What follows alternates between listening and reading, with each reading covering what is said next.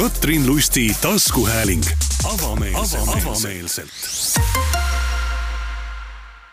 kõigepealt äh, akadeemik Anto Raukas, suur tänu, et te oli, olite nõus tulema minuga siia vestlema. no miks mitte, kui head saab teha?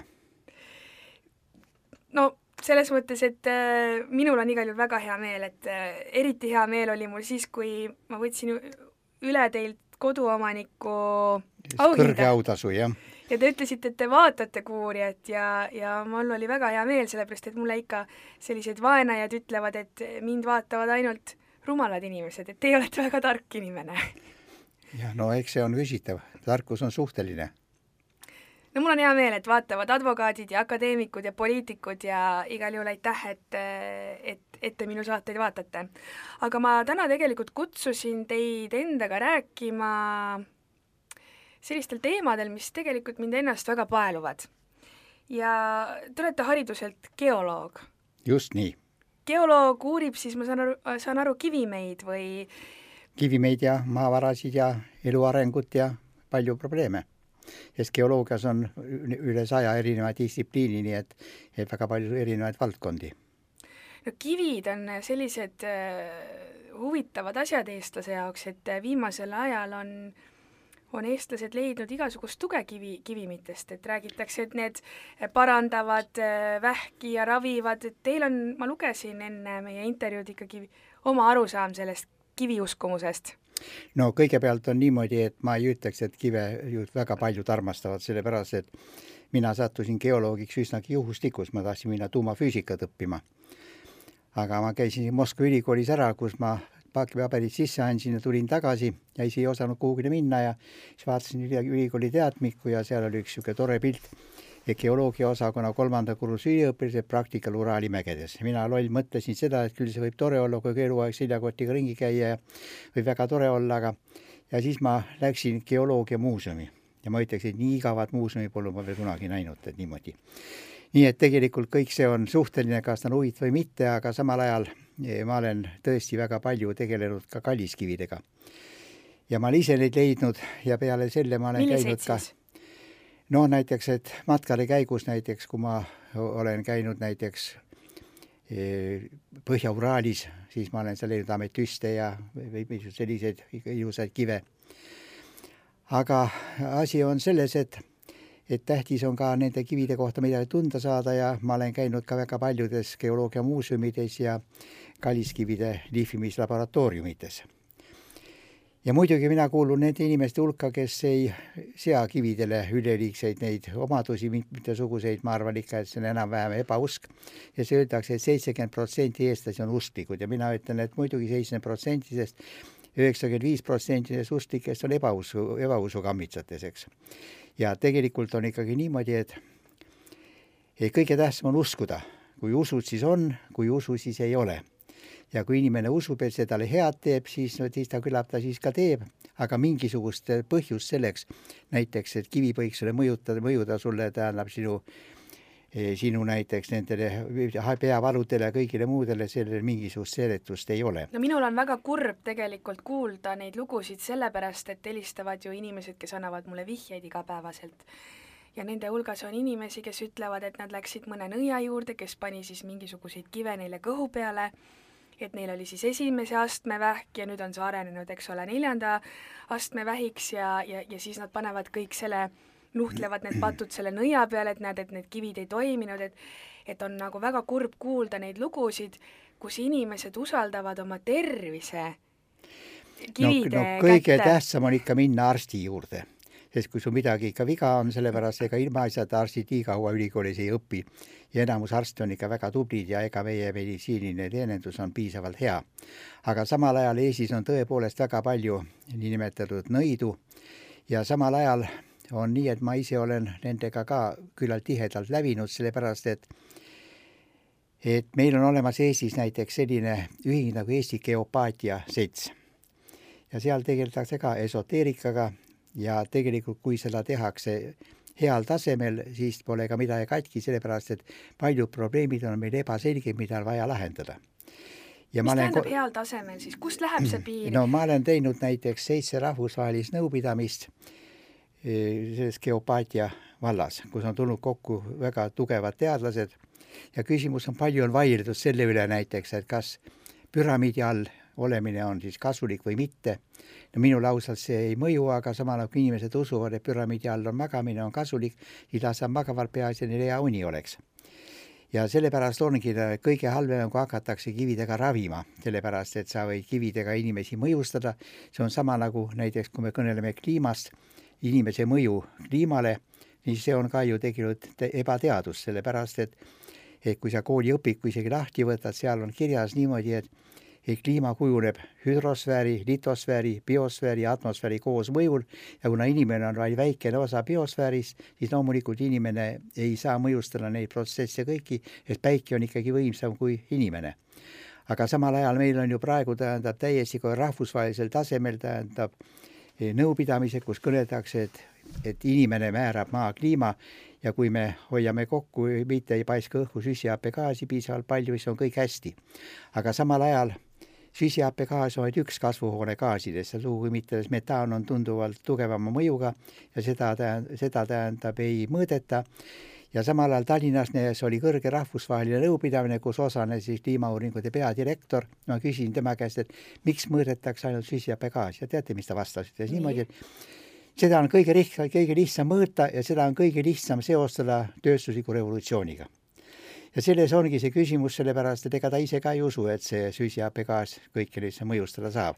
ja see tähendab, et me, me praegu nüüd püüame vähendada süsihappegaasi emissioone, see on väga vajalik sellepärast, et me lihtsalt parendame keskkonda ja atmosfääri olukorda. aga samal ajal, et selles nüüd kliima väga oluliselt muutuks, see ei ole, see ei ole päris teaduslik ja näiteks ma olen kohtunud ka ma saan aru, et teie jutust, et te ei usu sellesse kliima soojenemisse, ei, ei ma usun, ei ma usun kliima soojenemist, ta ju soojeneb, see on näha, aga samal ajal see on inimesed tekitanud, seda ma ei usu. ja muidugi on Eestis ka küllaltki palju inimesi, kes seda ei usu. ja ma ütleks juurde, et kas te teate, kes on Al Gore?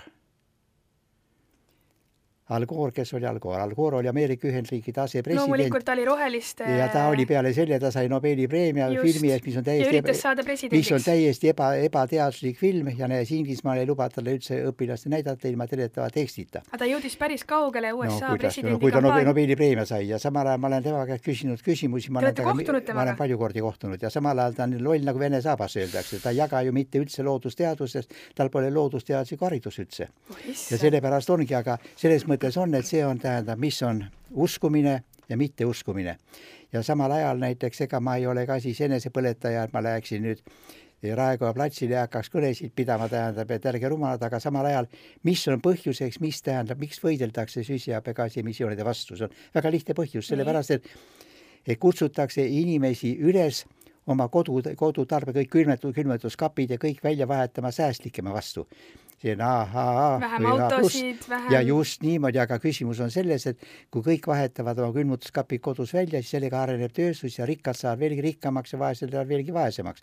et põhjus on tegelikult majanduslik inimese petmine. aga samal ajal ikkagi Al Gore, ma mäletan, rääkis sellest, et äh, inimesed oleksid vähem aega duši all, sest saab ennast kiiremini pesta, ma mäletan mingisugust lugu, kus räägiti, et keskmine ameeriklane Äh, lödistab duši all äh, viisteist, kakskümmend minutit, et tegelikult saab paari minutiga ennast puhtaks pesta ja elektrit saab kokku hoida ja võtta pistikud seinast välja ja nii edasi. see oli ka üks just nii, just nii, aga küsimus on selles, et kui me jälgiksime teda näiteks, kas ta ise kõike seda teeb, mis ta räägib ja ma arvan, et ta enamikul ikkagi valetab.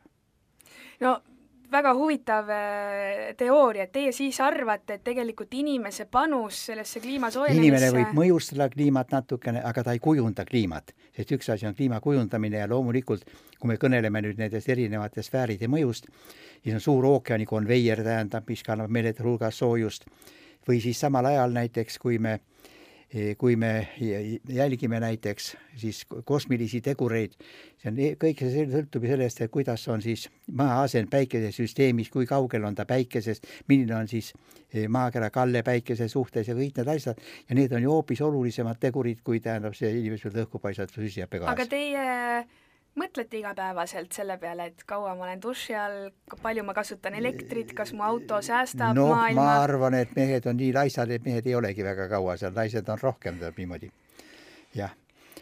aga ma küsin teie käest, te olete geoloog, te teate ilmselt kividest palju kas teie teate, mis äh, siin Eesti maapõues peidus on? no tean ikka. ma tegin hiljaaegu mõned aastad tagasi ähm, loo fosforiidi kaevandamisest ja rääkisin Eesti teadlastega, kes ütlesid, et tegelikult ähm, Eesti teadlased ei tea väga palju sellest, mis siin maapõues no, on, et me võiksime üks väärikas riik võiks teada rohkem. härra Soesooga rääkisite või? Just ja, no, aga tema on geoloogiateenistuse juht ja tema tahab saada raha uurimiste jaoks, on ju, see on ka loomulik täiesti. aga ta ütles, et tegelikult iga väärikas aga ma rahvas võiks teada täpselt, aga ma ütleks juurde, et hakkab pihta, tähendab meie ministritest, Riigikogu liikmetest, kes ajal, alatasa kõnelevad, et Eesti on maavarade poolest vaene maa Eesti on maavarade poolest vale, väga jah. rikas maa. üks Meil rikkamaid. ja üks rikkamaid. ja selles mõttes on näiteks, et kui me kõneleme fosforiidist, te küsisite, siis Eestis on suuremad fosforiidivarud kui kõigis Euroopa riigi liikides kokku, Venemaa jätame välja, aga on kokku. ja sellepärast ongi näiteks, et ma olen ka küsinud sageli, et miks eestlane tahab olla vaene sellepärast et kõik riigid ja inimesed on õnnelikud, kui neil on maavarasid. Ainult üks lollide riik on, see on Eesti, kes on väga õnnelik, kui tal maavarasid ei oleks, eks ta niimoodi. ja selles mõttes ongi näiteks, et, et kujutame ette näiteks, et kui meil poleks olnud põlevkivi, kui Eesti, Eesti hakkas pärast Vabadussõda näiteks, hakkas ka taas iseseisvus või hiljem taasiseseisvus, kui meil poleks olnud oma energeetilist kannet põlevkivi näol, kuidas meil üle oleks elanud ja praegu näiteks ka, et võidelda põlevkivi vastu on ka küllalt rumal, sellepärast et, et meie täna põlevkivi kaevandamine ja töötlemine vastab kõigile Euroopa Liidu normidele. ja kui neid täidame, miks me ei peaks seda siis tegema? ja, ja samal ajal näiteks, kui me vaatame, kust me raha teenime, siis näiteks, et meie põlevkiviõli müük annab meile suure osa SKT-st ja selles mõttes on, et, et miks võideldakse fosforiidi vastu, see on üks suur müüt, tähendab, meil oli mingi fosforiidisõda.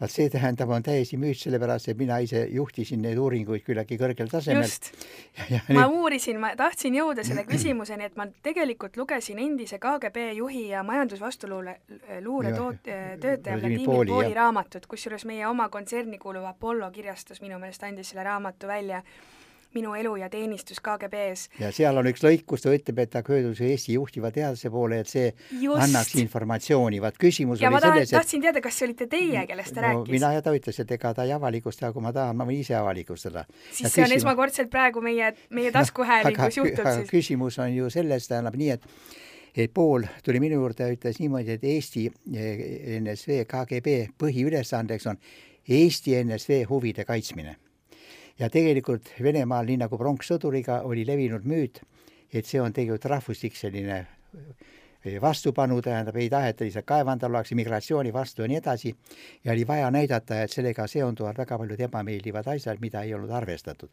sest meil näiteks oli ju hea näide, oli Maardu just kolmekümnendatest kuni Nõukogude aja lõpuni. aga, aga tegelikult ikkagi see saaste, saaste tähendab, oli seal ikkagi väga suur ja peale sellega see kihipaksus oli väike aga samal ajal on nii, et et eh, miks tekkis fosforiidisõda, tegelikult sel ajal, kui fosforiidisõda tekkis, polnud mingit ohtu enam olemas, sellepärast et kes võitis fosforiidisõja, ma arvan, mitte KGB, võitis Ronald Reagan. sellepärast, et Ronald Reagan surus Nõukogude Liidu põlvili oma majandusprogrammidega, eeskätt võidurelvastumisega ja lihtsalt Nõukogude Liidus ei olnud enam raha selleks, et alustada fosforiidi kaevandamist Eestis. ja fosforiidi kaevandamine võeti viis aastat plaanist välja ja siis, kui fosforiidisõda algas, siis polnud enam mingisugust ohtu praktiliselt. Vladimir Pool tegelikult ju kirjutab oma raamatus sellest, et täna eestlased suuresti mõtlevad selle peale, et fosforiidi kaevandamist ei alustatud siin sellepärast, et meil oli Juhan Aare, meil olid noored, kes läksid plakatitega välja, aga tema annab ikkagi oma raamatus mõista, et tegelikult tugineti kaheksakümne seitsmendal aastal, kui oli sügav nõukogu, nõukogude aeg, eh, Eesti teadlaste ettekandele eh, Moskvas. Ja ma saan aru, et teie olite üks nendest teadla-, e-, teadlastest siis, kes no, ütles, et seda ei tasu kaevandada, sest ma saan aru, et Koola poolsaarel no kõigepealt on nii, et kui me vaatame Maardu tehast, Maardu tehasest põhiliselt sealt tuli alguses välja fosforiidijahu, millel polnud mingisugust efekti meie põllumajandusele. hiljem hakati tootma siis superfosfaati ja topeltsuperfosfaati ja selleks sai vaja sisse tuua apatiiti, mida siis segati ja saadi korralikku väetist. aga küsimus on, küsimus oli selles, et et puudus tähendab korralik tehnoloogia, ta oli tegelikult olemas, aga Nõukogude Liidus see ei rakendunud, miks?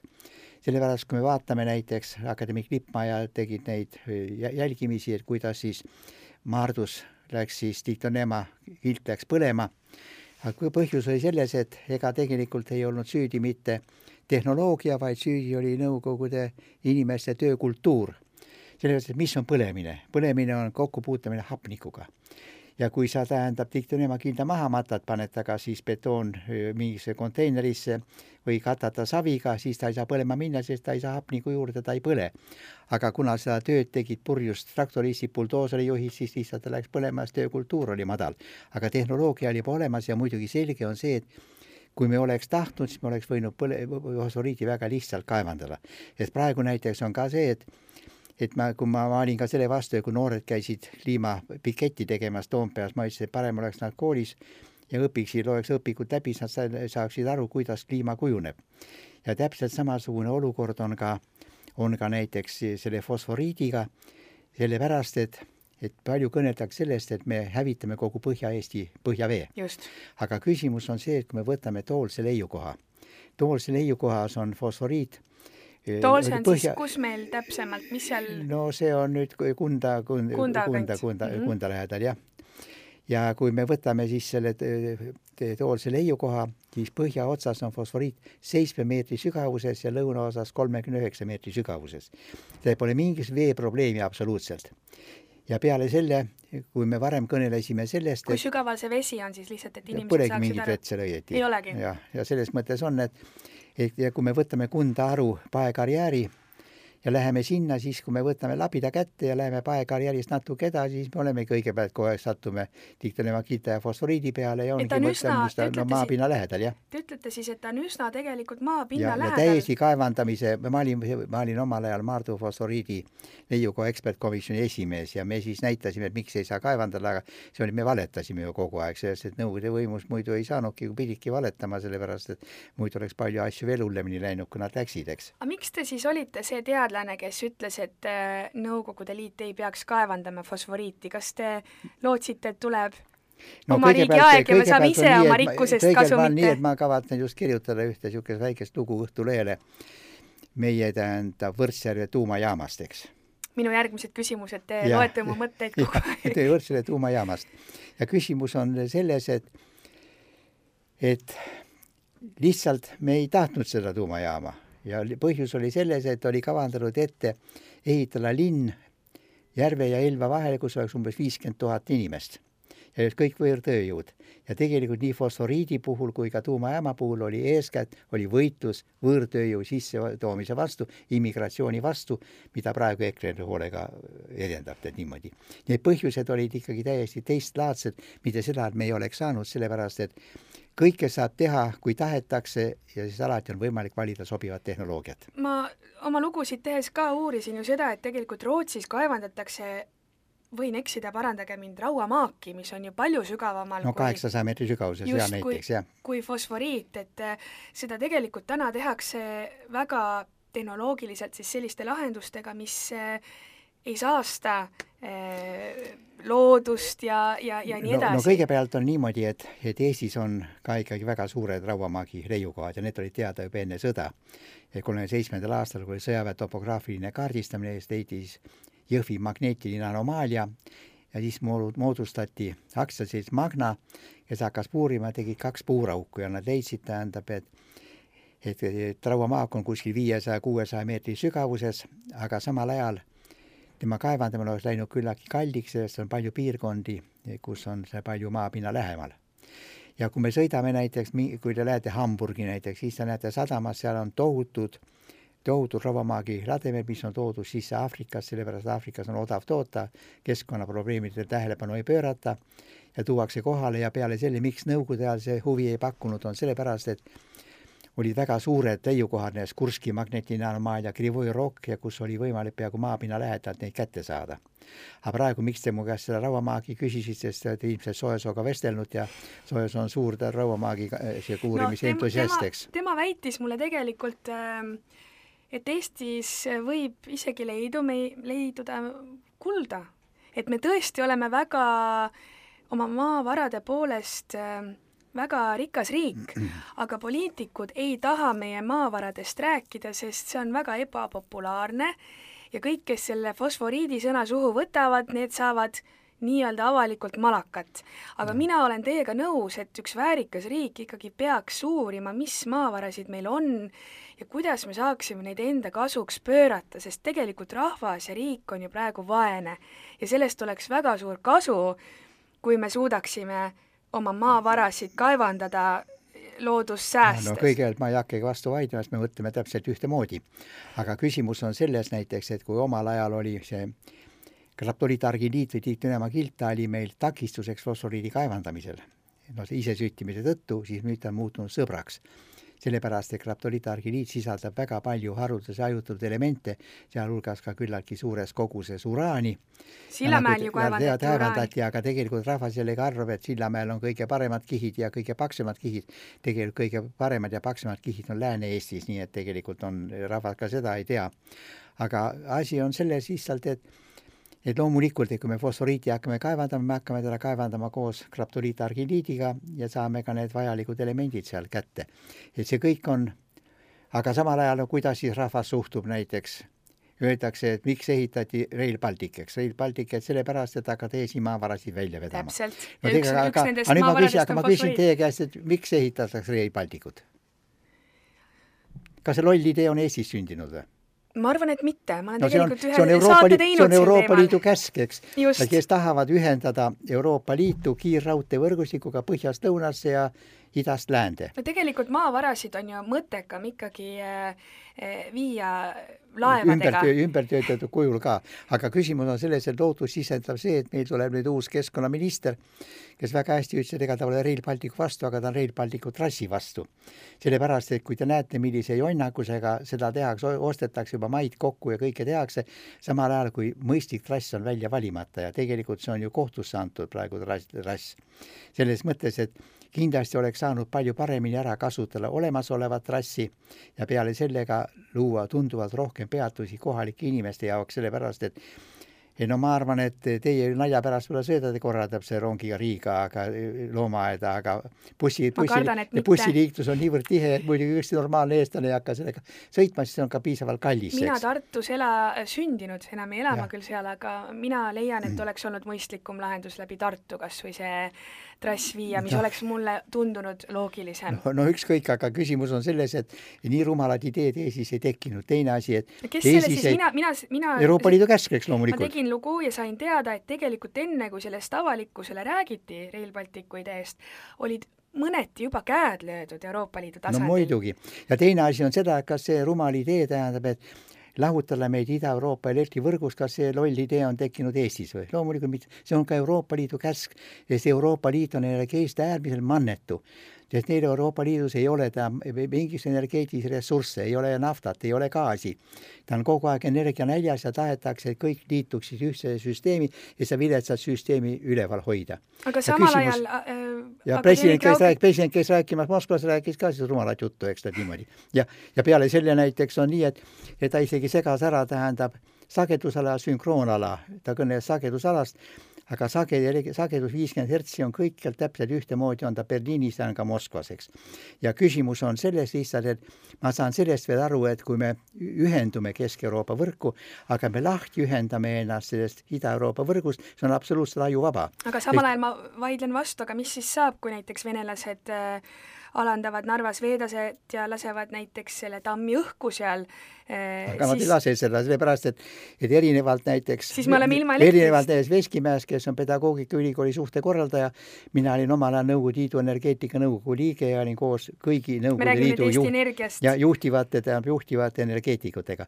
ma olen nendega kohtunud ka praegu ja neil pole üldse mingisugust huvi olnud see süsteemi lahutamises, sellepärast et meie kogu aeg ärgitseme. ega Venemaa pole ju kordagi ärgitanud. et mida suurem on süsteem, süsteem, seda paremini ta töötab. ja venelased on täiesti huvitatud tähendab ka see Breli süsteemi säilumisest, sellepärast et me, me, me ei müü ega osta elektrit, vaid me vahetame kolmekümne megavati ulatuses ja samal ajal on, see on, ja minu arust peaks kapo paremini töötama, sest kapo peaks, tähendab, välja selgitama, kes on need paanika tekitajad, kes on, et ma võin täiesti kinnitada, sest mul on paljud juhtivad Vene energeetikud, kes ütlevad, et see on rumal jutt, see on eestlaste provokatsioon lihtsalt. aga näiteks sõjaolukorras on ju räägitud, et venelased äh, lasevad selle tammi õhku, alandavad seda veetaset, kogu Eesti on ilma elektrita, et meil peab olema mingisugune noh, varuplaan no,, siis ilmselt nende võib-olla sõnajalgade tuulikute tuulikute kaudu. aga ja miks, miks peaks Venemaa sõda alustama meie vastu, et see on ka jällegi selline asi, et kas see on jälle hirmutus, te ütlete? no see on hirmutus, sellepärast tähendab niimoodi, et et NATO riigi vastu sõda alustada, see on kaunis niisugune rumal tegu venelaste poolt ja nad ei tee seda. aga no igaks juhuks peab ju valmis olema ja selleks ma ütlen, et, et ühenduda võrku, et selles, selle, selle vastu ma pole, aga lahti ühendada sellest süsteemist, mis on väga hästi töötanud ju mitukümmend aastat, see on, tähendab, vale tegu ja sellega peaks kapo tegelema, aga mitte, tähendab, levitama rahva seas paanikat et teie ei usu, et selle tammiga seal Narvas midagi juhtub ja ei no kõigepealt on, on nii, et ma olin selles komisjonis, kes sõlmis omal ajal Vene Föderatsiooniga lepingu selle veetaseme alandamise kohta. ja praegu meil pole mitte ühtegi lepingut Venemaaga, mis ole viis, sunniks Venemaasse hoidma seda veetaset seal. ja tegelikult see oht on olemas selles, et Narva hüdroelektrijaam on, on on Sosnovi Borri või Leningradi tuumajaama varujaam. kui seal midagi juhtub, siis lastakse, tähendab, täie võimsusega see hüdrojaam käiku ja see tekitab tõesti ohtu sellest, kui veetase alaneb üle lubatud normi, see tekitab äh, raskusi mõlema meie soojusjaama veega varustamise osas.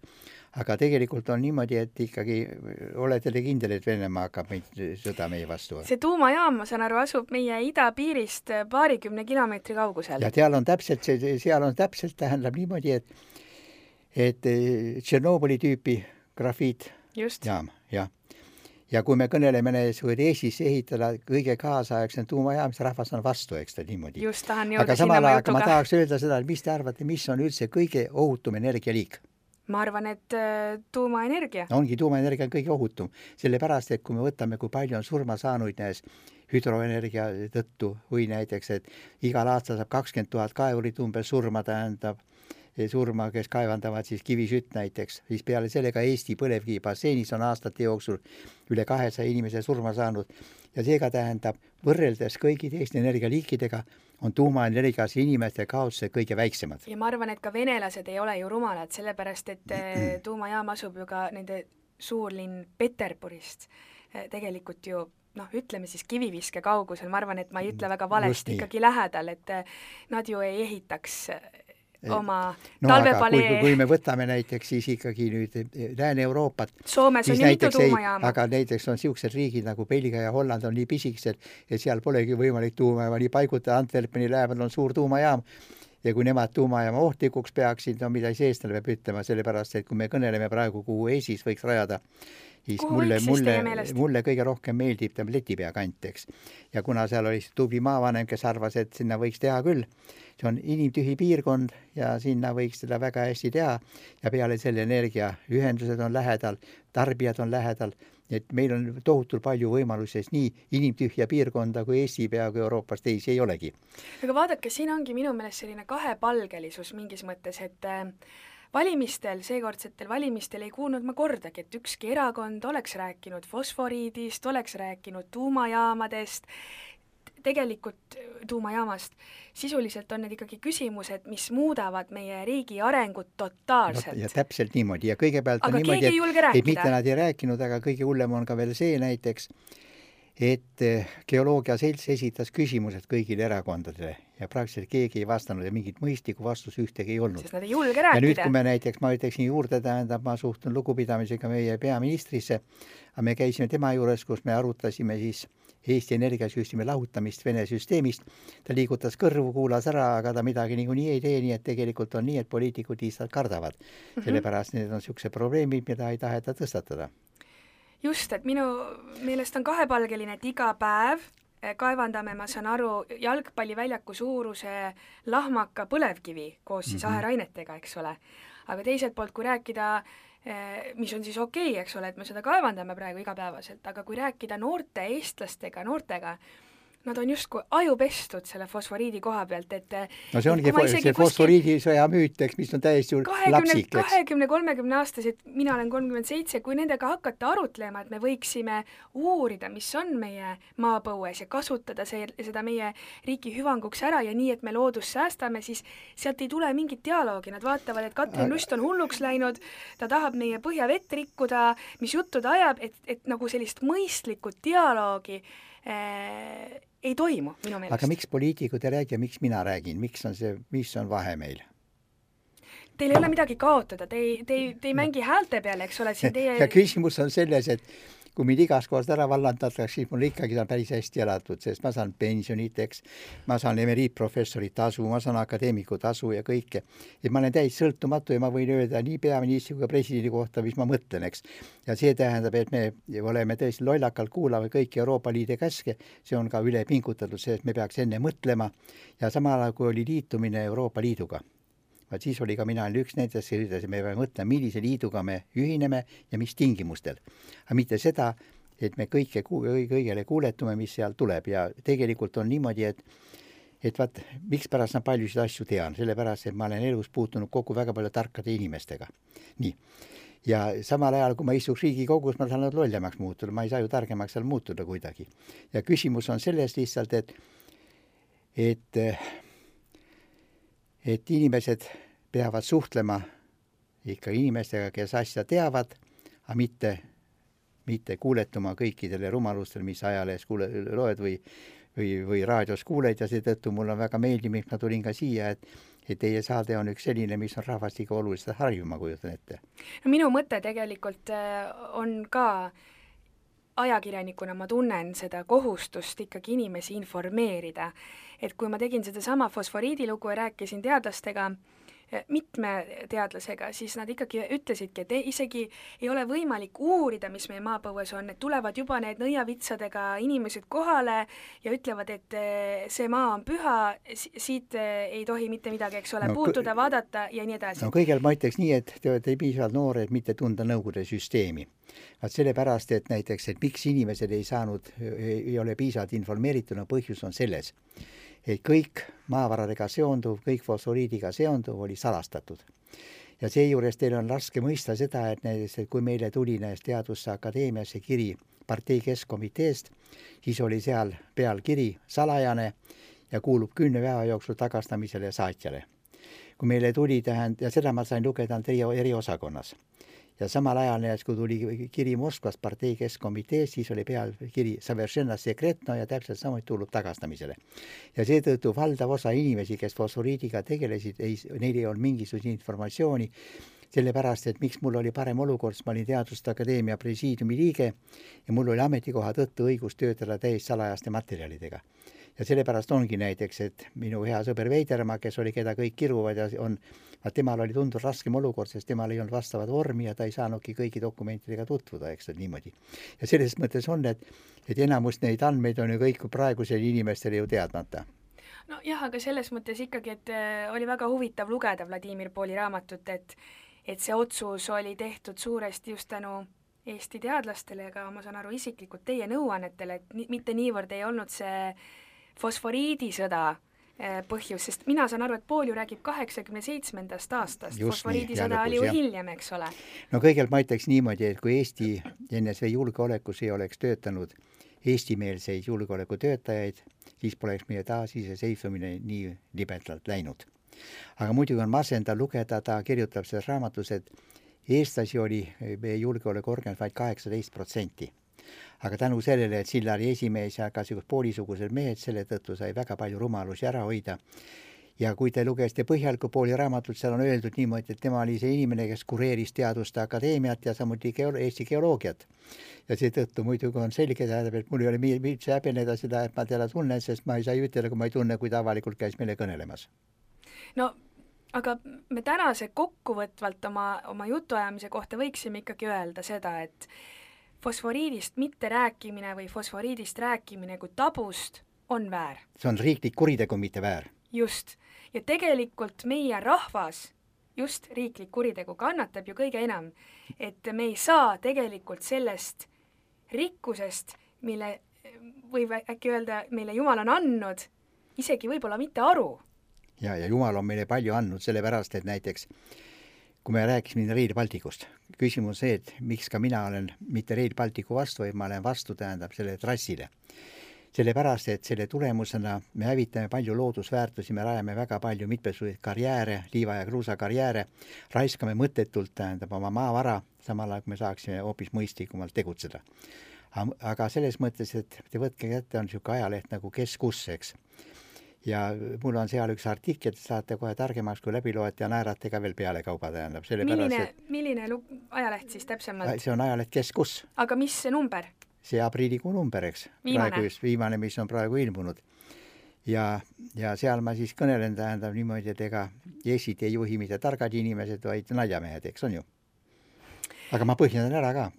aga põhjendage siis paari sõnaga juba siin ka praegu natuke. no seda, no küsimus on selles, et et enamus asju, kui selleks, et neid lahendada, vajab piisavalt teadmisi. ja neid teadmisi saab eelkõige koolist ja kui te rääkisite, et teie isa õppis Hugo Rehneri gümnaasiumis, seitsmes keskkoolis, mina õppisin ka selles koolis. ja peale selle see kool oli niivõrd tugev, aga ta oli Nõukogude vaenulik kool, sellepärast et sinna tulid just õpetajateks Tartu Ülikoolist vallandatud kõrge kvalifikatsiooni spetsialist, keda süüdistati kodanlikus natsionalismis ja sellepärast tähendab siis, aga nad olid niivõrd head õpetajad.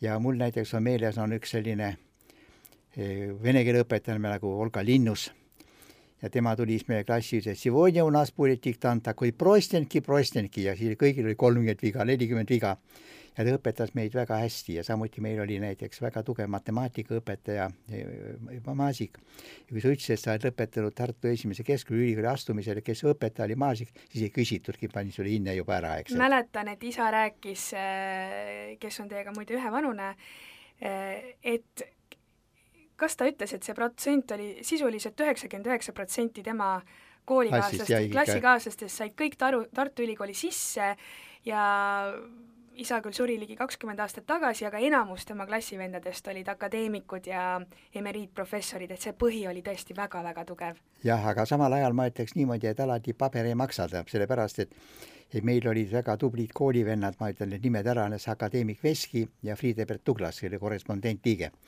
Neil kummalgi polnud keskharidust. Nad jäid õpetamata Tartu Rõhneri gümnaasium, aga see elab seda, et inimene, kui ta süstemaatiliselt endaga tegeleb ja, ja süveneb, ta tegeleb, ta võib saada väga-väga targaks, ta teeb riigile väga palju kasu.